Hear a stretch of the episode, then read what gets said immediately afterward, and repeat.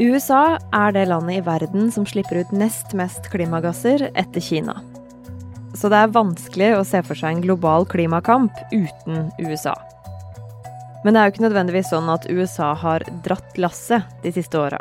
As of today, the United States will cease all implementation of the non-binding Paris Accord. Så nåværende president Joe Biden han sørga for overskrifter over hele verden i forrige uke. This is the decade we must make decisions that will avoid the worst consequences of the climate crisis. Biden lovte at USA skal kutte halvparten av klimagassutslippene sine fra 2005-nivå innen 2030. Vanligvis så er jo jeg pessimist om det meste, men akkurat når det gjelder klima nå, så er jeg faktisk blitt optimist. Utrolig nok. For sjøl om det å få ned klimagassutslipp i USA er en massiv jobb, så ligger veldig mye til rette for at akkurat Biden kan få det til akkurat nå. Du hører på Forklart fra Aftenposten. Jeg heter Anne Lindholm. I dag er det torsdag 29. april.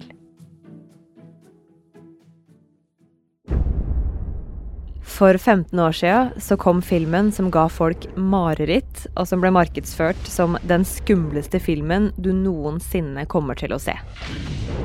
Med dramatiske grafer, med stormer og med tsunamier og mye skrekkfilmmusikk. If you look at the 10 hottest years ever measured, they've all occurred in the last 14 years. And the hottest of all was 2005. Det var den tidligere amerikanske visepresidenten Al Gore sin film 'An Inconvenient Truth' om klimakrisa og global oppvarming. Og Aftenposten-kommentator Christina Pletten var en av dem som så den dokumentaren i 2006. Budskapet hans var jo egentlig at vi måtte endre måten vi levde på. Eh, og folk oppfattet det spesielt i USA, tror jeg, som et angrep på alt de likte å gjøre. Ikke kjøre bil, ikke reise med fly, ikke spise kjøtt. Eh, så det satte en sånn standard for hvordan man kommuniserte om klima og utfordringene det eh, impliserte, som jeg tror var utrolig uheldig og varte på en måte i mange år fremover. Og det har jo gått en del år siden 2006. Og en av dem som prøvde å dra USA i en mer klimavennlig retning, var president Barack Obama. The levels of carbon pollution in our atmosphere have increased dramatically. That's science. Han gjorde det med fakta og med advarsler, These are facts. men uten at det ble en veldig brei politisk kamp. Og som hans visepresident så var Joe Biden med på det.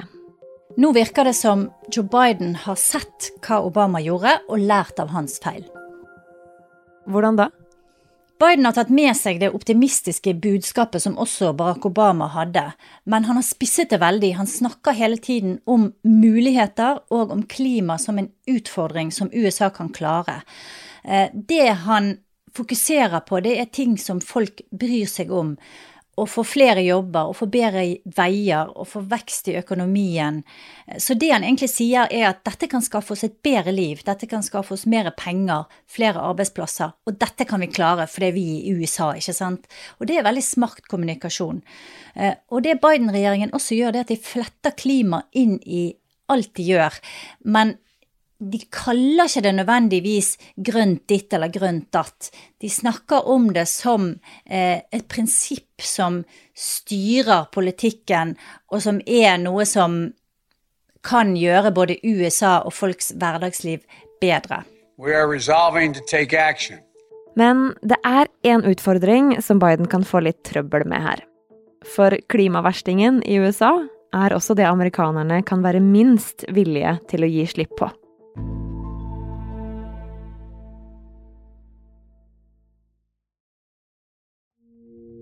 I forrige uke så hadde Joe Biden invitert verdens ledere til et klimatoppmøte.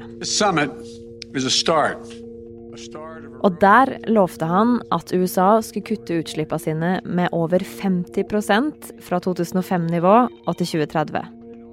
Nå lå USA litt høyere i 2005 enn det de gjør nå, men det er likevel snakk om store kutt. The United States sets out on the road to cut greenhouse gases in half, in half by the end of this decade. Og ifølge Kristina så er det noe med Joe Biden som gjør at folk tror på det han sier. Her har du en gammel hvit mann som bruker ord og uttrykk som mange kjenner. Eh, han snakker om å bygge opp Amerika igjen. Det høres nesten litt ut som 'Make America Great Again', ikke sant? Eh, og det er veldig interessant hvordan dette her eh, fungerer, hvilken effekt det har. Det er et eksempel på hvor viktig kommunikasjon er, eh, og hvordan ubevisste fordommer fungerer. Og det at budbringerens identitet faktisk betyr ganske mye. Så Biden kan fremme en politikk som egentlig er veldig radikal og foreslå kjempestore endringer, men det blir ikke oppfattet på samme måte som om det hadde vært en, en yngre politiker med en uh, annen profil. I tillegg til at Biden er en gammel hvit mann, så har han også en annen fordel, ifølge Christina. Han overtok nemlig presidentembetet i USA i januar i år. Og siden da så har koronasituasjonen i landet blitt ganske mye bedre. Nå er nesten hver tredje amerikaner fullvaksinert, og restaurantene har begynt å åpne i store deler av landet. Det å ta over landet på vei ut av en krise, det har ikke vært så dumt. Det gjør at han får et mandat til å bruke mer penger og gjøre større grep enn han kanskje vanligvis ville hatt. For det andre så er det en krise som ikke i utgangspunktet er en økonomisk krise, slik Obama hadde da han tok over i 2008. Eh, og det gjør også at han har egentlig bedre økonomi i bunn og grunn, men han har samme mandatet til å bruke masse penger. Og så eh, er det jo sånn at han overtar etter Donald Trump, en president som hadde et veldig, eh, hva skal vi si, lite eh, fremadlent forhold og syn på klima. Så kontrasten her blir også veldig stor. Så det er veldig mange ting som virker til fordel for Biden eh, i liksom rammene rundt eh, starten av hans presidentskap. Mm. Men betyr det at Biden kan få til det han lovte. Han lovte jo at USA skulle kutte utslippene sine med halvparten fra 2005 til 2030. Kan han få til det, da? Han vil i hvert fall forsøke å gjøre et ganske aggressivt forsøk, tror jeg. Men her ligger det jo et problem.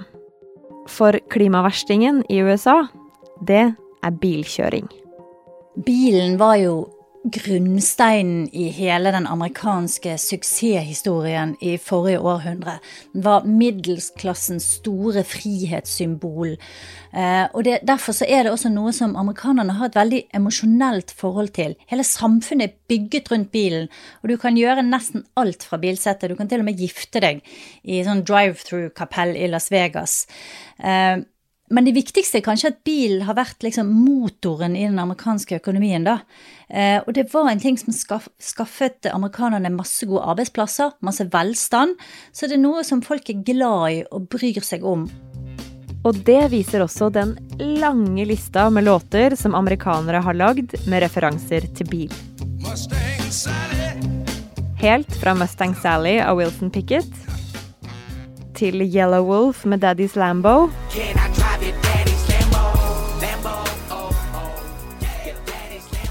Og Disney-filmene om biler. Men Bidens håp nå er å få snudd amerikanerne vekk fra fossilbiler og gjøre bilparken elektrisk. Bare under 2% av nye biler er, som kjøpes i USA, er elbiler. Så det å få amerikanerne til å eh, sette fra seg bensinbilen og, og, endre på hele den kulturen der, det er en kjempestor utfordring. Eh, han selger det inn som at eh, USA ikke må bli hengende etter. Dette er en kjempestor utfordring. Eh, han vil bygge en halv million nye ladestasjoner. Alt er vel og bra, men her haster det. Han må ha eh, republikanerne, i hvert fall noen republikanere, med på laget.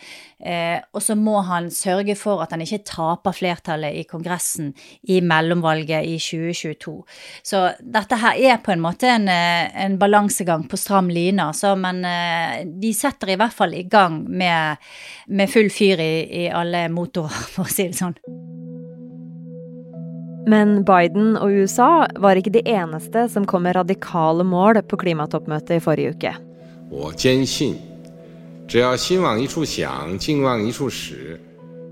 Kinas leder Xi Jinping, som allerede har lovt en del klimakutt, sa at Kina skal være karbonnøytrale i 2060. Japan skal kutte utslipp med 46% innen 2030. Canada skal ned med 40-45% på samme tida. Og britene skal kutte utslippene sine med 78% innen 2035, ifølge Boris Johnson. I'm really uh, thrilled uh, by the game-changing announcement uh, that Joe Biden has, has just made. And. Og Russlands Vladimir Putin sa at klimasaken er samlende midt i all konflikten stormaktene imellom.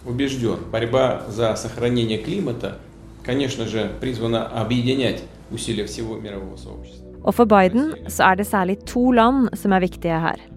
Russland og Kina.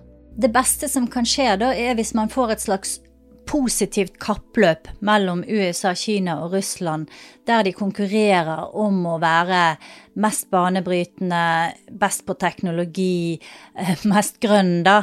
Eh, og de pusher hverandre til å kutte utslipp. Det handler jo om flere ting. Det handler om internasjonalt omdømme, eh, men det handler jo også om økonomi. At eh, alle disse landene nå begynner å se at det å henge etter å være en sinke kan koste de veldig dyrt.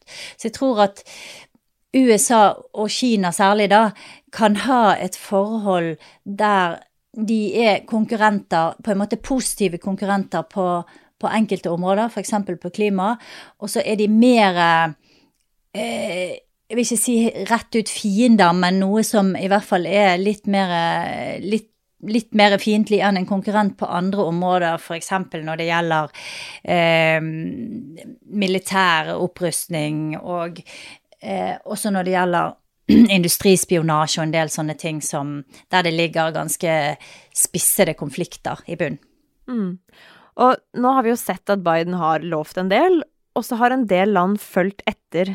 Går det an å si her at Biden på en måte løfter verdens ambisjonsnivå? Ja, det vil jeg absolutt si at uh, de gjør.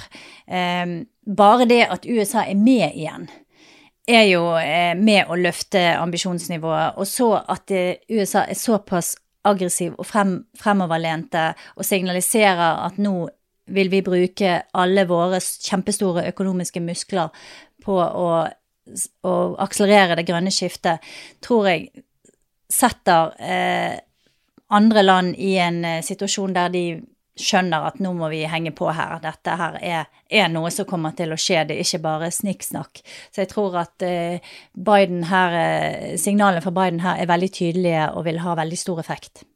Men altså, holder det? Hvis alle landa kutter det de har lovt nå, holder det for å nå FNs mål om å ikke heve snittemperaturen på jorda mer enn halvannen grad? Nei, ikke i seg sjøl, men her er det flere aktører med i bildet enn bare nasjonsstatene. Du har næringslivet blant annet, du har banker og investeringsselskaper og fond. Og alle de har jo begynt nå å tenke annerledes. De har begynt å kalkulere inn det de kaller for grønn risiko. Eh, dette er, utvikler seg kjempefort, og det er blitt en veldig viktig trend, spesielt på Wall Street og andre steder der eh, de store pengene sitter da. Og prinsippet er jo at eh, det å sitte på ræven er blitt en økonomisk risiko. Da kan du bli den som taper. Så dette her er eh, en helt ny måte å tenke på, og det er jo også grunnen til at jeg begynner å bli en optimist etter hvert.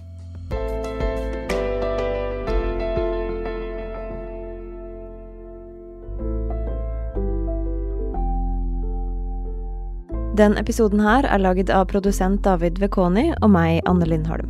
Resten av Forklart er Fride Nesten Onsdag, Ina Swan, Caroline Fossland og Marit Eriksdatter Gjelland. Du hørte lyd fra Paramount, YouTube-kanalen The Obama White House og nyhetsbyrået AP.